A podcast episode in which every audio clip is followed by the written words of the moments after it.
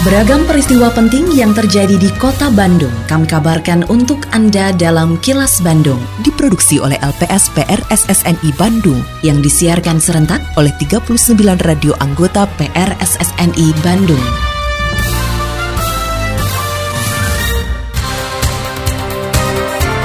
Sejumlah informasi aktual kami hadirkan untuk Anda dan inilah informasi utamanya. Ribuan siswa di Kota Bandung mendapatkan kartu identitas anak. DPRD Kota Bandung soroti program UHC. Calon pahlawan nasional harus penuhi sejumlah syarat dan kriteria.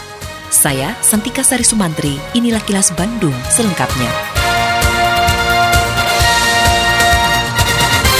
Lebih dari 2.600 siswa di 15 sekolah di Kota Bandung menerima Kartu Identitas Anak atau KIA dari pemerintah Kota Bandung. Usai menyerahkan KIA secara simbolis di SMP Negeri 28 Kota Bandung, Wali Kota Bandung Yana Mulyana mengatakan penyerahan KIA merupakan bentuk komitmen pemerintah Kota Bandung untuk pemenuhan hak anak atas identitas diri serta mengakses administrasi kependudukan. Selain itu sesuai amanat undang-undang, KIA wajib diberikan kepada anak mulai usia 0 hingga 17 tahun kurang sehari. KIA merupakan bukti data kependudukan yang tercatat langsung di Kementerian Dalam Negeri dan dapat digunakan oleh pemegangnya untuk kepentingan berbagai layanan. Kita menyerahkan KIA, Kartu Identitas Anak. Jadi sekarang setiap warga negara Indonesia sejak usia 0 sampai 17 tahun minus 1 itu juga diberikan kartu identitas. Nah ini untuk salah satu ikhtiar kita pemenuhan hak anak untuk bisa mengakses entah itu nanti pendidikan, entah itu kesehatan, entah itu layanan layanan-layanan publik lainnya gitu ya termasuk ke perbankan juga mungkin ya jadi mudah-mudahan kita sosialisasikan semoga semua yang memenuhi kriteria ini bisa mendapatkan kartu identitas anak ini gitu. Pembuatan Kartu Identitas Anak atau KIA di Kota Bandung saat ini sudah mencapai lebih dari 40 persen. Kepala Dinas Kependudukan dan Catatan Sipil atau Disduk Capil Kota Bandung, Tatang Muhtar mengatakan capaian tersebut sudah melebihi target nasional di bawah 40 persen. Tatang mengungkapkan di Dukcapil Kota Bandung sejak akhir tahun 2016 hingga saat ini terus gencar melaksanakan sosialisasi dan pelayanan KIA bagi penduduk Kota Bandung. Terlebih pembuatan KIA dilayani secara gratis. Menurutnya, pemberian KIA dilakukan secara jemput bola melalui kerjasama dengan berbagai pihak seperti sekolah, rumah sakit, dan rumah bersalin. Kita punya inovasi yang namanya Kisanak. Kisanak itu adalah pembuatan kartu identitas anak bekerja sama dengan sekolah anak. Jadi untuk anak-anak dengan kartu identitas anak, untuk yang dewasa 17 tahun ke atas itu dengan kartu tanda penduduk. Secara masif ini kita lakukan melalui sosialisasi, kemudian pelaksananya melalui layanan-layanan yang kita miliki baik di kantor dinas maupun di gerai-gerai dan kita juga melaksanakan kegiatan jemput bola ke sekolah-sekolah yang kita berikan dengan inovasi Kisanak. Terkait dengan kartu identitas anak ini, jumlah anak di Kota Bandung yang tercatat di Distrik Capil Kota Bandung ini sebanyak kurang lebih 681 ribu ya. Kartu Identitas Anak atau KIA dapat meningkatkan kualitas anak-anak terutama siswa sekolah atau peserta didik. Kepala Dinas Pendidikan Kota Bandung Hikmat Ginanjar mengatakan, dengan adanya KIA, anak menjadi lebih mudah mendapatkan layanan pendidikan, kesehatan juga pelayanan publik lainnya. Hikmat mengungkapkan penyerahan KIA kepada lebih dari 2.600 anak merupakan hasil kolaborasi antara Disdik, Disduk Capil, dan DP2AKB Kota Bandung dalam pendataan dan kerjasama dengan sekolah. Sebelumnya para siswa juga telah mendapat pencerahan tentang berbagai hal seperti pencegahan narkoba dan bahaya nikah dini. Bahwa Dinas Kependudukan, DPPKB, dan DP3A telah berkolaborasi untuk meningkatkan kualitas anak-anak di Kota Bandung. Sebanyak 2.659 KIA sudah siap diberikan kepada anak-anak usia 0 sampai dengan 17 tahun. Selain mendapatkan kartu identitas anak, Ananda telah diberikan pencerahan terkaitan berbagai upaya peningkatan kualitas diri, mulai mulai dari meningkatkan potensi diri, tidak menikah muda, menjauhi diri dari nafsa, peningkatan pola hidup agar tidak stunting, memahami potensi-potensi kekerasan seksual, serta berani bilang tidak untuk hal-hal yang negatif. Suara DPRD Kota Bandung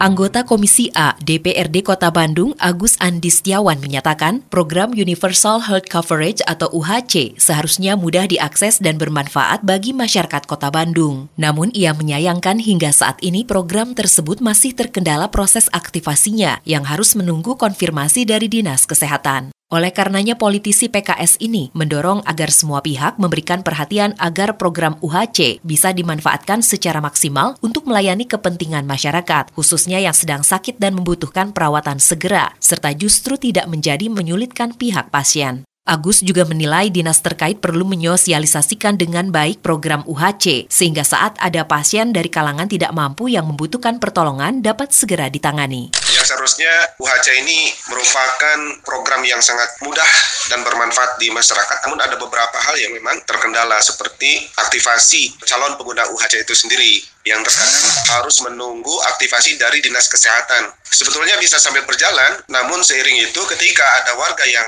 datang ke puskesmas, datang ke UGD karena belum direspon cepat, akhirnya kalau ke rumah sakit beberapa pasien atau warga Kota Bandung yang terpaksa harus ke umum dulu. Oleh karena itu harus menjadi perhatian bersama agar UHC ini bisa dimanfaatkan sebaik mungkin dan secepat mungkin guna melayani kepentingan masyarakat khususnya yang sedang sakit dan membutuhkan perawatan segera. Jangan sampai terjadi bolak-balik bolak-balik si pasien itu sendiri. Kasihan sekali. Nah, ini harus dijelaskan, disosialisasikan dengan baik oleh semua pihak, khususnya pemerintah Kota Bandung dalam hal ini Dinas Kesehatan untuk terus mengawal guna kelancaran pemanfaatan UHC di masyarakat tingkat bawah yang memang betul-betul saya lihat itu perlu ditolong segera.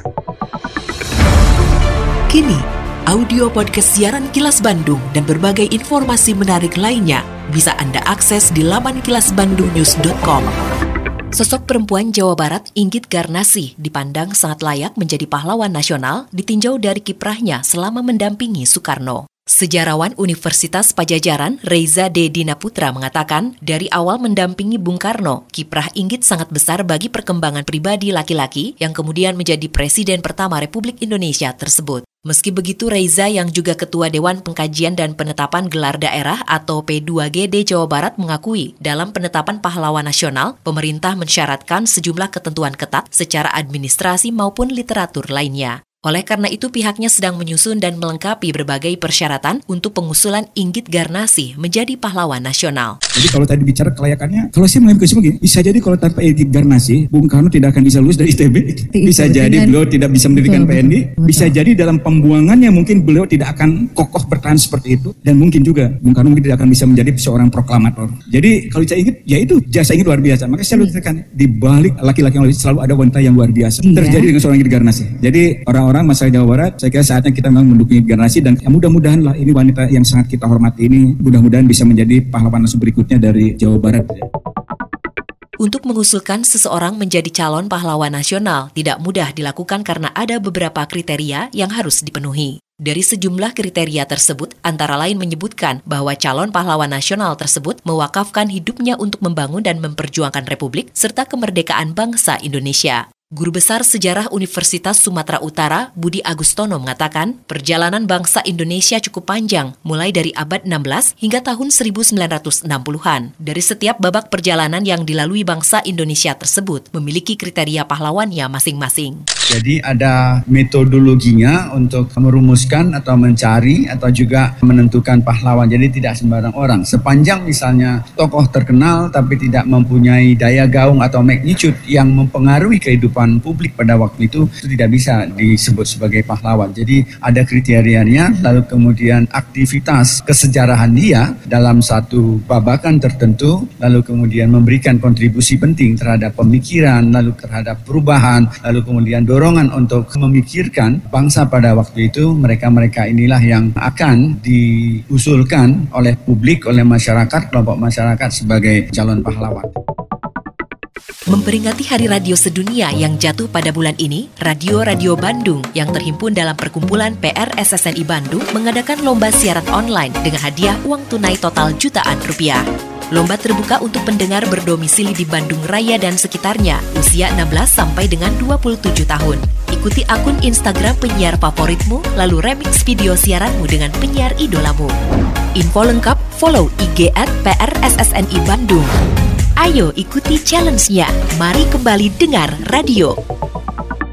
Tetap patuhi protokol kesehatan di masa adaptasi kebiasaan baru untuk memutus penyebaran COVID-19.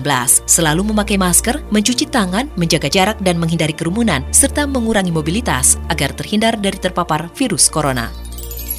Terima kasih Anda telah menyimak kilas Bandung yang diproduksi oleh LPSPR SSNI Bandung.